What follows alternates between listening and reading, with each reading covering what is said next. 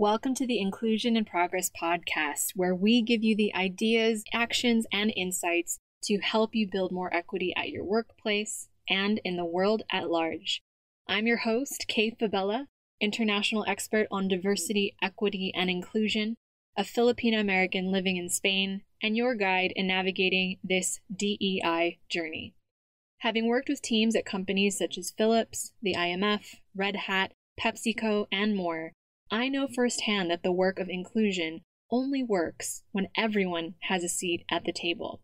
Regardless of your personal entry point into this conversation, your race, ethnicity, gender, ability, age, sexual orientation, country of origin, or educational background, we all have a role to play in creating inclusion for all. And it starts with us having conversations we need to create the change we wish to see. So let's dive into today's episode.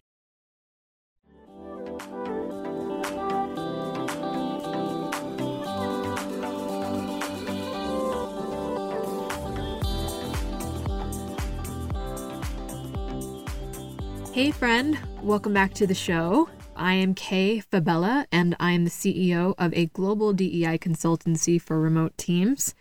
I'm also your host for this Inclusion in Progress podcast, where you'll get research backed industry insights into the future of work and practical how to's for equity and inclusion. I also lead a remote team and work with clients across EMEA, APAC, and the Americas which means you'll get global perspectives on this show. So, Inclusion in Progress is actually coming up on its 100th episode and its third year running. Now, this is a super exciting milestone for all of us on Team IIP because we put out these episodes for free to our global audience across 35 countries and counting as a labor of love to the industry that we care about and as part of our mission to support equity and inclusion at work for all.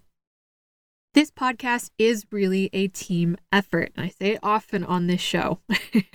and it really couldn't have grown without the support of listeners like you.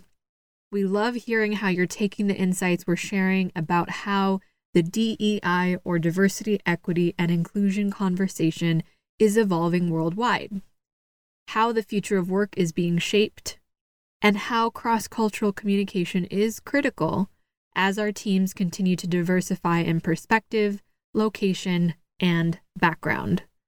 So, if you could do us a five minute favor for our third anniversary, whether you're a longtime listener or you have found value after having binge listened to the first few episodes, we would really appreciate you leaving us a review on your favorite podcast app to help us reach even more folks with inclusion in progress. Every review really does help us reach listeners who would gain value from these conversations, whether it's a current or aspiring DEI leader, an ally that's finding their way to support greater inclusion for those around them, or a manager who leads a multicultural team. Your review directly helps more people leading equity and inclusion at work have access to the discussions that we're having here. Now, Jimmy left us a review a few months ago that said, As one of the old white guys in the room, I struggled with my role in drawing attention to DEIB. After listening to this podcast, I started to understand where I could be helpful, where the role of the ally can create access and an audience for the voices that need to be heard. And talking with Kay personally, she started me rolling and I'm picking up speed. I return to this podcast for grounding, ideas, and reminders of what can be done and what I can do. So, Jimmy, who you've just heard from, is one of our favorite former clients and a longtime listener of the show. And we love watching leaders like him implement what they've learned from Inclusion in Progress and create waves of change in their own workplace.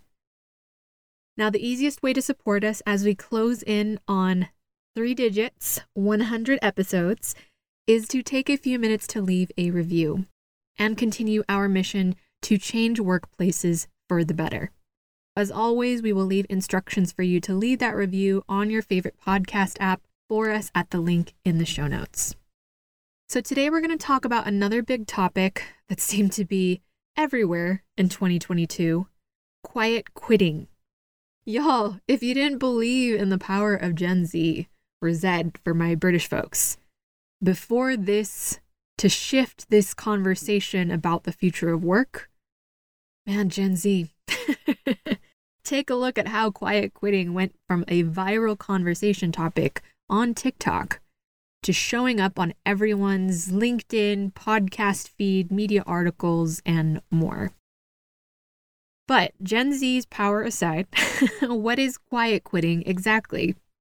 Now, basically, what it boils down to is that every employee, every workday, makes a decision. Option one are they only willing to do the minimum work necessary to keep their job? Or option two, are they willing to try and put more of their energy and effort into their work? Now, many of those who choose option one have self identified as quiet quitters. They reject this idea that work should be a central focus of their life. They resist the expectation of giving their all or putting in extra hours, and they say no to requests to go beyond what they think should be expected of a person in their position. In reality, quiet quitting, like many of these so called workplace trends, is just a new name for an old behavior. Basically, if employees don't feel like they're in a work environment where people want to go the extra mile due to a bad manager, feelings of exclusion, lack of clarity in their job role, or not feeling supported by their employer, but feel like they aren't in a position to leave they will engage in what is now known as quiet quitting. Now, this is clearly bad news for companies. A workforce that is willing to go that extra mile is a critical competitive advantage for an organization. The reality is that most jobs can't be fully defined, as we know, in a formal job description or contract or even in the onboarding process. And it's normal for companies to rely on employees to step up to meet extra demands as needed. So it makes sense that many leaders reacted negatively to this quiet quitting trend. According to them, losing employees who want to leave is difficult, but having them not quit is even worse because it increases the burden on their colleagues to take on that extra work instead. If we look at it from the employee perspective, this quiet quitting trend suggests that they feel as if their employers are demanding additional effort without investing in them enough in return. Many team members we've spoken to from different tech organizations and financial services companies are either suffering from or teetering on the edge of burnout from having overextended themselves over the last two years. As we head into a global recession and outright quitting becomes less feasible, we're likely to see more folks engage in this quiet quitting alternative. So, what can companies do to combat this? This comes back to a theme that we've talked about on the podcast many times before the importance of psychological safety. If your teams feel like they are included, that they are able to learn and make mistakes, that they are able to safely contribute their ideas, and they are able to challenge the status quo if need be. This all contributes to their sense of psychological safety. But each one of these stages takes time to achieve. So, listen to the rest of this episode to find out how psychological safety can help reduce the likelihood of quiet quitting from your employees so that you can ensure that your best people stay and engage with their work at your organization. According to Dr. Timothy Clark, there are actually four stages to psychological safety on teams if we want people to engage, stay productive, and contribute their best ideas to our organizations. Stage one is inclusion safety. This satisfies the basic human need to connect and belong. Whether we are at work, school, home, or in other social settings, everyone wants to be accepted. In fact, the need to be accepted actually precedes the need to be heard. When others invite us into their social group or their gathering space, we develop a sense of shared identity and a conviction that we matter. And this also applies to our workplaces. Inclusion safety allows us to gain membership within a social unit and interact with others without fear of rejection, embarrassment, or punishment. Inclusion safety is connected to boosting someone's confidence, resilience, and independence, which increases their effectiveness in their job position. But what if you're deprived of that basic acceptance and validation as a human being? In short, it actually gets in the way of your effectiveness in your job or professional role on a fundamental biological level because it activates the pain centers of the brain. In the workplace, especially when you're looking at remote or hybrid teams, not being intentional about inclusion initiatives can lead to resistance from your teams. If a person doesn't feel heard or is not given the space to be themselves, or, for example, feels that their time zone or culture or background or other important aspects to their identity are overlooked, they won't feel valued, they won't feel accepted, and they won't feel like they belong, which will affect their engagement and the likelihood of them quitting or quiet quitting their job. Granting inclusion safety to another person is not just a moral imperative, but according to Clark's research, an effective business imperative in the workplace. When we create inclusion safety for others, regardless of our differences, we acknowledge our common humanity and we invite others to participate and show up as they are to our workplaces. Stage two is learner safety. This level of psychological safety satisfies the basic human need to learn and grow. It allows us to feel safe as we engage in all aspects of the learning process, asking questions, giving and receiving feedback, experimenting, and even making mistakes. Not if, but when we make them. we all bring some level of uncertainty to the learning process. We all have insecurities. I mean, who hasn't hesitated to raise their hand to ask a question in a group setting for fear of maybe feeling or looking a little dumb? For many of us, our negative experiences with learning are related to some of our earliest experiences or feelings of rejection, of inadequacy, even in some terrible cases, outright harassment. That's because learning is both intellectual and emotional. It's an interplay of our heads and our hearts.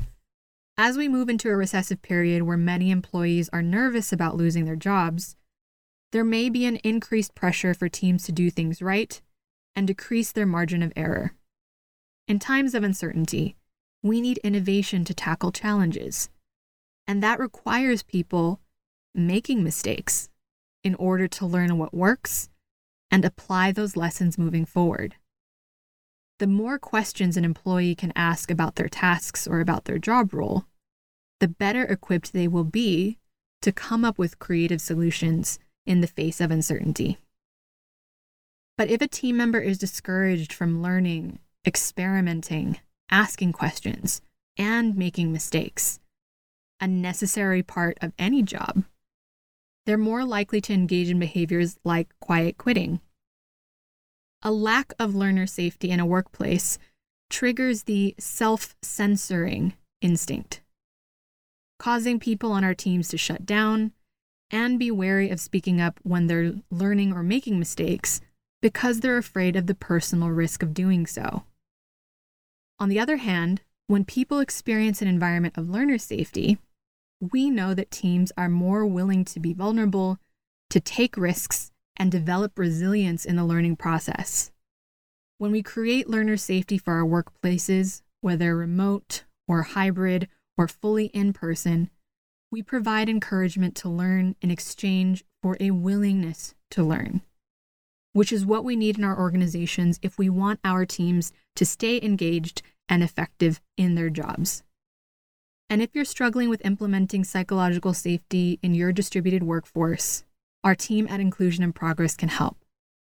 As a global DEI consultancy that specializes in supporting remote and hybrid teams, we partner with forward thinking people and human resource leaders through both data driven and qualitative strategies to center the well being of your workforce, no matter where they come from or where they choose to work.